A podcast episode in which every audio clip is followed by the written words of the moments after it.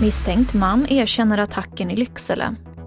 Skogsstyrelsens generaldirektör pausar skogsverksamhet efter Kalla faktas granskning. Och familjer uppmanas att hålla små barn hemma på grund av spridning av RS-viruset. TV4-nyheterna börjar med att den man i 50-årsåldern som är anhållen misstänkt för mordförsök efter våldsdådet i Lycksele igår har erkänt att han skadat den äldre kvinnan och de två små barnen. Det här säger hans advokat idag. Enligt polisen är läget fortfarande allvarligt för de tre skadade som fortsatt vårdas på sjukhus.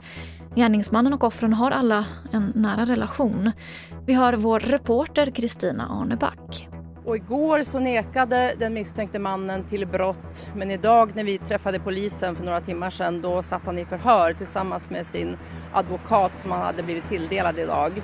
Och då kunde inte polisen säga någonting om eh, någonting vad han hade sagt eller så. Men nu vet vi alltså att han har erkänt att han har skadat de här tre personerna.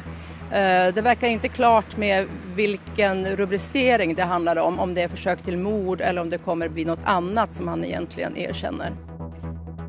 Skogsstyrelsens generaldirektör Herman Sundqvist låter sitt skogsbruk vara vilande efter kritiken som kommit efter Kalla faktas granskning. Han har gjort skogsaffärer i 10 miljonersklassen under sin tid på myndigheten. Något som fått experter att ifrågasätta hans oberoende. Tidigare idag hade Herman Sundqvist ett möte med näringsminister Ibrahim Baylan om situationen. Och mer om det här finns på tv4.se.